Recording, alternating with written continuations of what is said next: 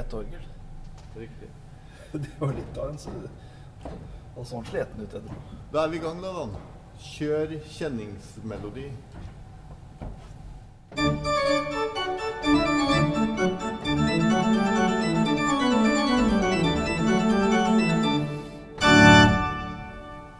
Yes. Så i dag skal vi prate om pasjon og påske. Ja. I den rekkefølgen. Det heter Påske og pasjon, heter jo den der flotte nettsida som de har lagd eh, inn i Oslo, som også omfatter Østfold nå. Så disse prosjektene vi skal snakke om i dag, de står jo på den eh, nettsida Påske og pasjon. Mhm. Og du er jo en person Du er jo lys til sinnsstand. Du er, du er positiv. Du tar ting i beste mening og oppmuntrer folk rundt deg. Jeg har vel også til en viss grad den evnen til å glede meg over små ting. Men det er jo det at når du snakker om sånn kunstnerisk uttrykk, så er det ofte at det er det som er på den triste sida, som er mest interessant. Har du Ja, filosofert over det? Det er jo mye mer sånn pasjonsmusikk og, og sånt noe, øh, beretninger om Jesu lidelse og død, enn så du kan si påskedagen, da det er full, øh, full øh, oppstandelse. Det er ikke så mye interessante verker om det, eller, eller hva mener du? Ja. Ja, det er kanskje det. det, er, eh, at det er, påska har jo hovedvekt på det som skjer før første påskedag. Ja. Når, etter første og andre påskedag så er jo påske over. Det er på en måte slutten. Ja. Men, men det er det som går forut, da, som på en måte har vært mest eh, Det er i hvert fall der det er laga mest musikk. Eh, vil jeg tro. I hvert fall mest musikk som blir framført i våre dager. da. ja. Du har ikke tenkt over det, da? Egentlig ikke. jeg ga deg noe å tenke på der. Ja. Eh, Det er jo også snakk om de norske folketonene, vet du, at de er så mollstemte. Ja. Det tror jeg også er. Og så er det Jeg hørte for mange år siden på svensk Eller så, da, på svensk TV. Det måtte være svensk, for det var noen som hadde lagd en reportasje om taperens ansikt. Mhm. Og den gikk også på det de hadde filma folk som tapte. Mhm. Og liksom hvor sterkt uttrykk de hadde, da. I, for, I forhold til de som, i forhold til de som vant, da. At det, det er litt kjedeligere å se folk juble. Det er liksom, du kommer mer sånn inn i dybden når folk har det fælt, da. Ja, det er kanskje, det som liksom er Kanskje det er typisk for Norge å tenke sånn. Vi er litt mer sånn fokusert mot det innadvendte Det er typisk norsk å være god, er det ikke det? Men det er tre eh, komponister vi skal snakke om. Eh, det er Gregorio Allegri, det er Henrik Ødegaard, og det er Johan Sebastian Bach. Og hvis vi tar han Allegri først, så er årstallene der 1582 til 1652. Jeg slo det opp, da. Jeg er ikke Ja. så god på, på årstall som du. Men du visste det kanskje? Nei, det, det visste jeg ikke. Allegri han, han er jo et komponistnavn som mange kjenner, men han er ikke av de, liksom, de mest sentrale i musikkhistorien. Nei. Stort sett så er han vel egentlig bare kjent for ett verk, nemlig 'Miserere'. Ja. Og det skal vi da fremføre på langfredag. Ja. Eh, det, hva, hva kan du noe mer om Allegri og Miserere? Nei, jeg vet at han jobba i Vatikanet. Og dette Miserere-verket er jo skrevet for Vatikanet og var vel i noen hundre år en sånn, et sånt hemmelig verk som ikke ble publisert. og Det ble bare framført der. Mm. Sixtinske kapell? Sixtinske kapell. Det er jo utrolig musikk. Det er eh, Jeg vet ikke hva en skal sammenligne det med, egentlig. Det er, det er liksom noe helt for seg sjøl. Ja. Og, og det fins visst i flere versjoner. Ja. Han har skrevet det om flere ganger. ja. Og det er vel den siste eh, versjonen som nå stort sett bare blir framført, da, men eh, det, det tidlige, Jeg visste du visste noe mer om Allegri. Du påstår at du ikke vet ting, og så vet du alltid ting. Du har en slags sånn databank som du bare liksom sånn eh, bobler opp ting fra. jeg vet, jeg vet ikke. Men eh, vet, vet du hva, i dag så leste jeg en sånn artikkel på um, Wikipedia. Og der sto det at det var en trykkfeil, det der at de går opp på høye C. Nei. For det er jo så kjent at det går opp på høye C. Ja. Ja, det det syns jeg høres suspekt ut, altså at det skulle være en trykkfeil. Ja. Og I hvert fall lykke til med også å gjøre om på det, for det er, det er jo en av Ja, signaturene ja, ja. på det stykket, at det går på høye C. Så det er jo nesten ingen som klarer å synge det. Det er det.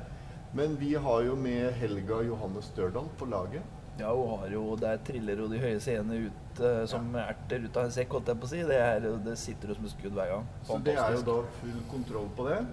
Og da formen på det er sånn at det står en kvartett oppå galleriet her. synger, og så står koret nede i kjerka, og så er det en sånn gregorianske mellomspill. Ja. Og det er jo over salme 51, vet du. Eller visste du det? Nei. Nei. den, den, den, det er den som heter 'Vær meg nådig, o Gud'. Mm. For dette stykket det ble jo fremført i Vatikanet, som du sa, i Sixtinske kapell. Eh, I det som på engelsk heter The Holy Week.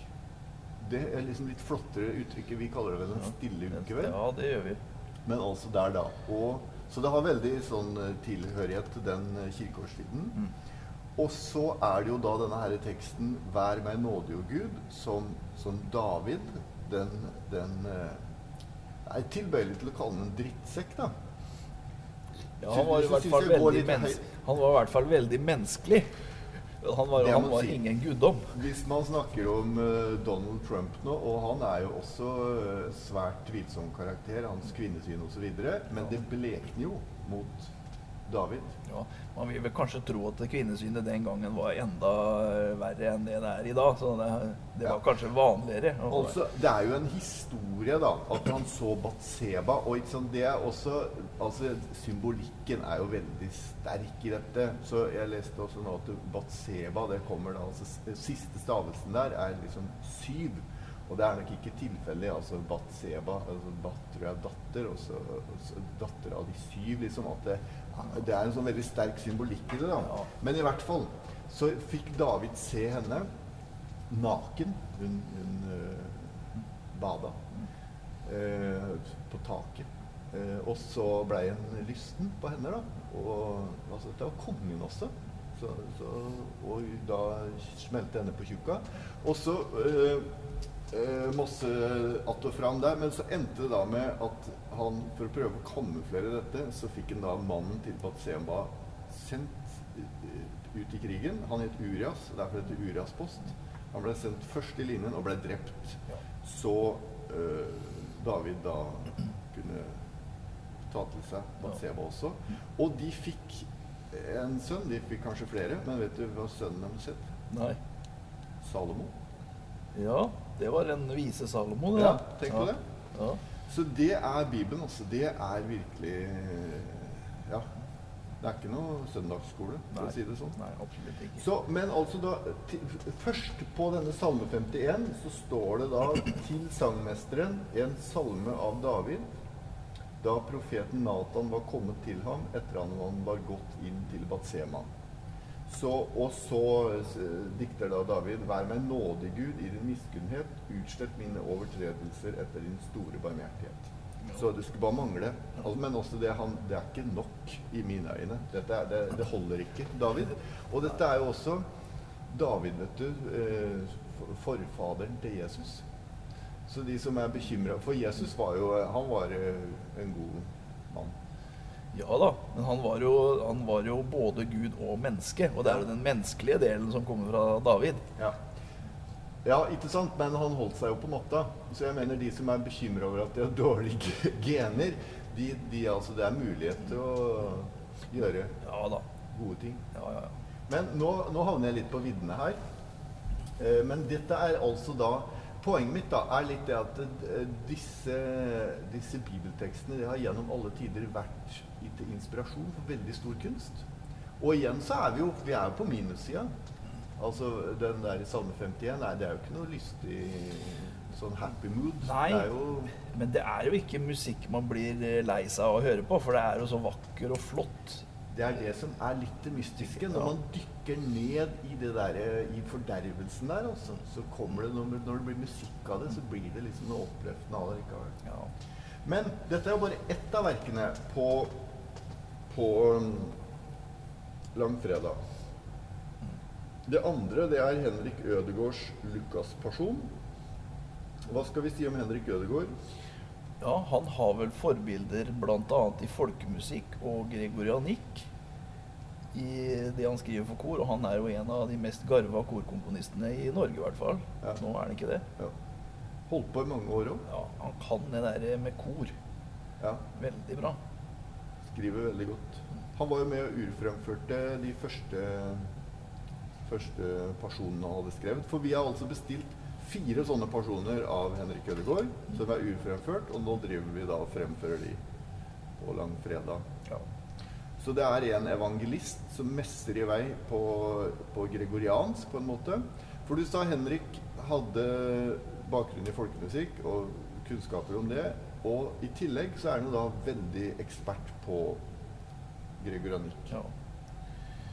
Så han Så- kombinerer liksom de to tinga da, i, Ja. i de personene. Jeg tror, det er, jeg tror det er riktig å si det, og at han kanskje ser forbindelseslinjer òg. Ja. At det er mange likheter mellom gregoriansk sang og folkemusikk. Han står i en solid tradisjon. Men selv om dette her er musikk som er skrevet for langfredag, så er det vel ikke dystert? Kan, kan, kan vel ikke kalle det det? Det er mer meditativt, kanskje? Mye sånn kors, korsfestrop, da. Ja. Sånne sterke greier. Litt krasse akkorder. Mhm. Og så er det jo da ganske lange strekk hvor sånn eh, beretningen fortelles, da. Ja. Og dette er jo Dette med å ha en sånn eh, pasjonsberetning på langfredag er jo en lang tradisjon.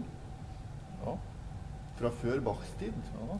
Men vi skal jo ha en av personene i år, i Den stille uke. På skjærtorsdag så skal selveste Matteuspersonen fremføres her. Ja, og det er eh, Oslo Domkor som er på en eh, liten turné med barokkanerne som kommer hit og framfører den. Ja. Kjempeflaks for oss at de vil komme hit. Så det er jo Det er jo, det er utrolig bra. da. Ja, ja, ja, Skjærtorsdag, få det verket med topp solister, vet du.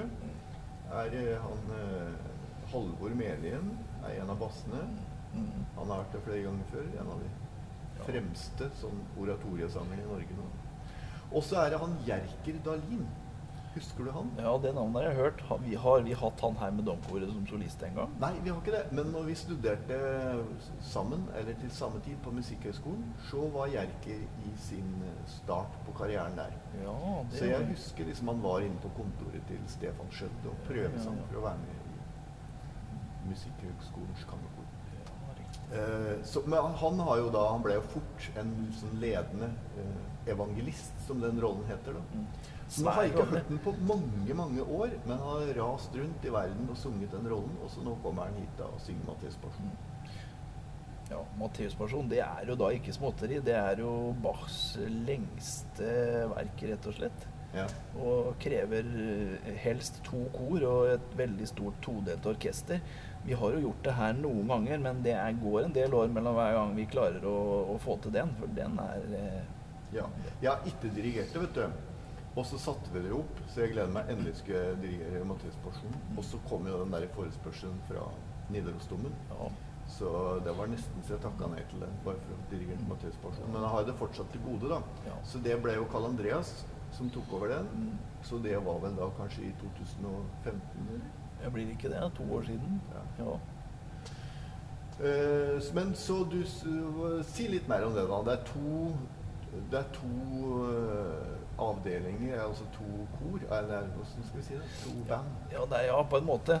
Du kan, orkesteret er delt i to. Du kan ta et stort orkester og dele det i to, eller så kan du ha, ha to orkester. Barokkanerne som skal gjøre dette her, det er jo et slags prosjektorkester, så de setter jo sammen orkesteret skreddersydd for hver eh, nye konsert de gjør. Ja. Men koret er også, også todelt. Ja. Det er på en måte to kor som synger sånn vekselvirkning med hverandre, og så i noen avsnitt så synger de sammen.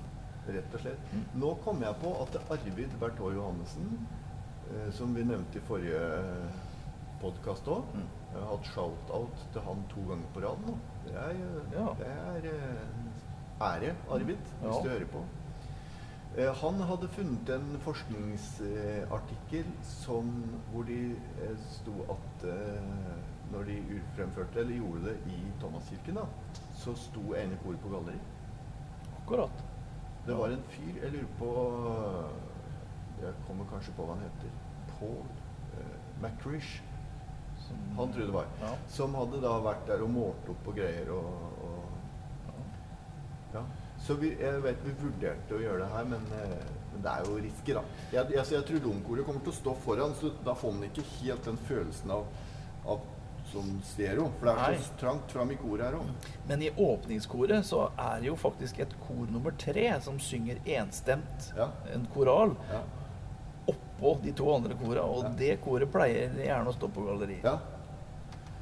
De synger den eh, Hvilken melodi er det? Nei.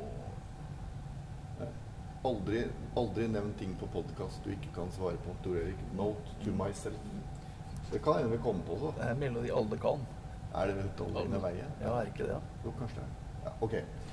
Eh, ofte guttekor som gjør den stemmen, da. Unisont guttekor eller barnekor. Eh, Er det O, o du Guds lam beskyld? Den er det, vet Det du. er det. Ja. Ja. I veldig lange noteverdier.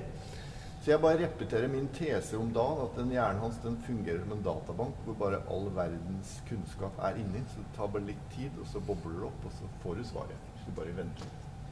Men du, Dan. Eh, har du favorittspor fra Matteus-personen? din? Ja, det, jeg syns jeg er veldig glad i det sluttkoret i del én. O Mensch bewein dein synde grås, er det ikke det den heter? Ja. Det er eh, veldig flott Ja. musikk med de der fløytene som eh, spiller sånn lette sånn ja. utbroderinger over og veldig komplisert eh, partitur. Vanskelig å øve inn. ja. Fryktelig mye løse kryss. Det er jo det er fire kryss i E-dur i utgangspunktet, og så er det mye dobbeltkryss. Og Bach var veldig, glad, var veldig glad i krysstonearter. Oh. Lurer på åssen det låt, ja, på sånn litt sånn like Ja, det kan du si. Eller renstemte orgler? Eller? Ja, Det er sikkert ganske krast. det, det vil jeg tro.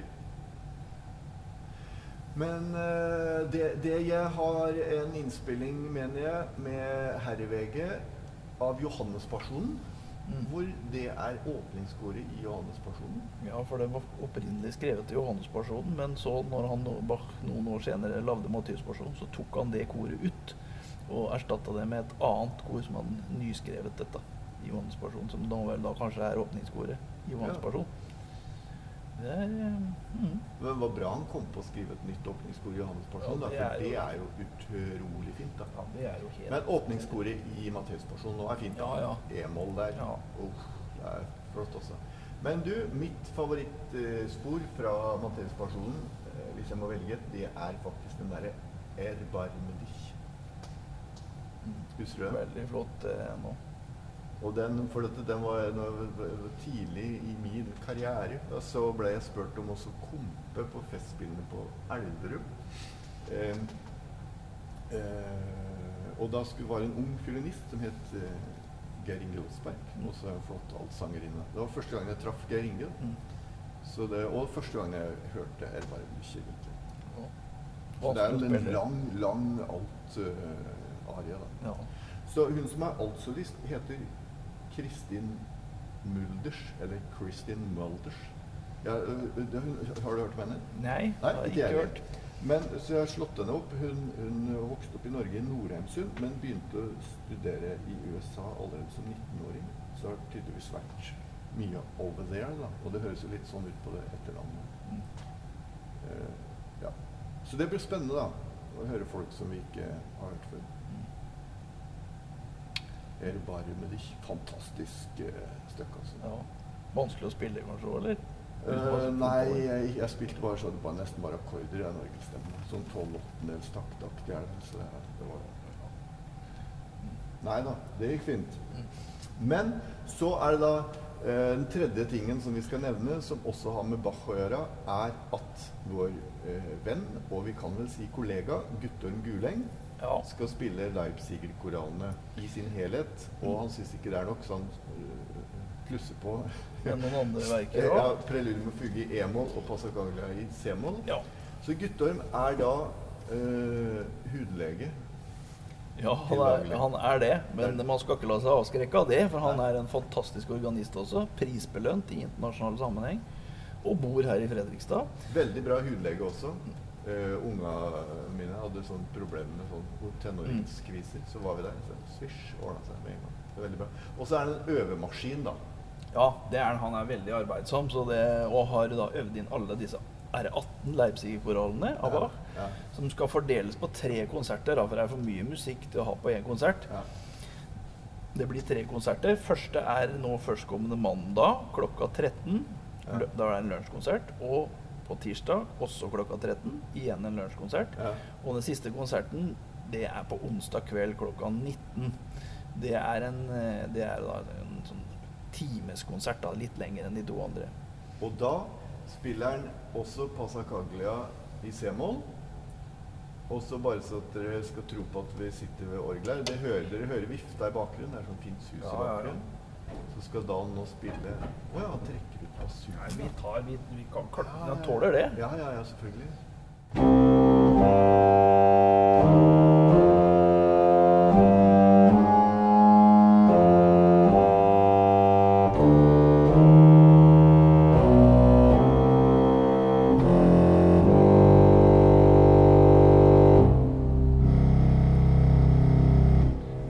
Spill litt til. Jeg så du hadde hendene oppe.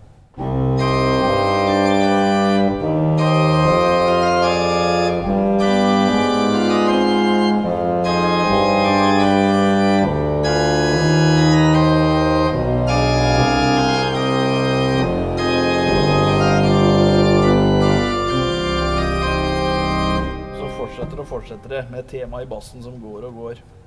Ja. Du spiller Bach veldig fint, eh, Dan.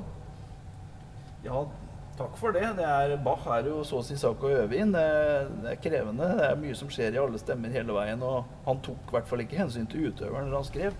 Han skrev Har du fått litt sånn antipati mot Bach, eller? Du spiller liksom litt lite Bach? Nei, jeg har egentlig ikke. Det, det begynte jo med når jeg gikk og lærte å spille i førsten, så ble det bare veldig mye Bach. Det var bare Bach. Ja. Og så kom jeg inn i de der franske romantiske greiene som jeg er så glad i, og litt sånt noe. Så, så har det blitt mindre Bach eh, med åra, egentlig. Og så syns jeg også det når jeg gikk og fikk undervisning på skolen, at det var så veldig mye pirk med Bach. Ja. Det var så mye sånne rare betoninger som man skulle gjøre den gangen, som jeg synes, som jeg aldri har vært enig i. Og så ble det litt sånn at det, det var liksom ikke Jeg følte at den måten jeg spilte Bach på, var ikke inn, da. Det er det kanskje ikke ennå, jeg vet ikke, men Men nå er det jo i ferd med å bli stor gutt. Big day coming up. Ja, Du og Karl Andreas har bursdag 2. november. ja, det er lenge til det. Ja. Men Andre, Karl Andreas er litt yngre enn deg. Han er to år yngre enn meg, Ja. akkurat på dagen. Men du blir jo Du passerer en milepæl, Ja, kan vi si. gjør jo det. Så, og da tenker da er det på tide å begynne å tenke selvstendig. Mm. Så det på ønskelista mi står det at du skal spille mer Bach. da. Bare Ja da, det er, sagt, det, det, det er på blokk. ja. Det er på blokka. Du, Vet du hvem som spilte den forrige gang her i kirken? Eh, Jeg er litt, eh, litt usikker, faktisk. David Hill? Ja, stemmer. Han Ja. var jo her Ja. og hadde en lunsjkonsert, var ja. ikke det? Ja. Han spurte om å få slippe å spille Fugen, husker du? For han syntes orgelet var så vanskelig å få Ja. Men så ga du noe råd om å Ja. koble den og greier og sånt. Stemmer, og så stemmer det. det. Orgelet kan være litt tungt å spille på hvis du kobler sammen alle manualene og sånn. Ja. Og så er det litt ujevnt. Det er noen toner som er hardere hardere og ned enn andre pga. at det er mye slitasje inni her. Orgelet skal jo restaureres. Ja. Det må vi si eh, hver podkast og, og, og hver dag, egentlig. Vi trenger bare pengene. Ja, så det er bare å få sagt det mange nok ganger. Ja. Uh, yes, David Hill han blir 60 år for øvrig snart. ja, ja. Så han Uh, Det er jo ungt, det, i dirigentsammenheng. Dirigenter de holder jo på til de er 90 og sånn. de. Det er sant. Ja, og du, apropos det, helt til slutt. Hvis det, de som hørte på forrige, forrige podkast, da snakka vi om Bjern som døde på orgelkrakken. Ja. Eh, og vi gjorde vel liksom Ja, slo noen slags vitser omkring det. Mm. Og så hadde vi konsert, vet du, i Eidsberg. Ja. kirke. Og så, og så skjedde det jo noe morgen, orgelet, så plutselig ble det helt stille. Vi kom, vi kom der utløserknappen, så all, alle stemmene bare slo seg av. Og Ja. det var på et sånt veldig dramatisk parti hvor orgelet akkurat skulle dra til med solo, og så ble det bare helt stille. Ja, og da, da snudde jeg meg og tittet opp på galleriet der, og så så jeg at du bevegde deg. Mm. Så da, og da pustet jeg litt. Mm.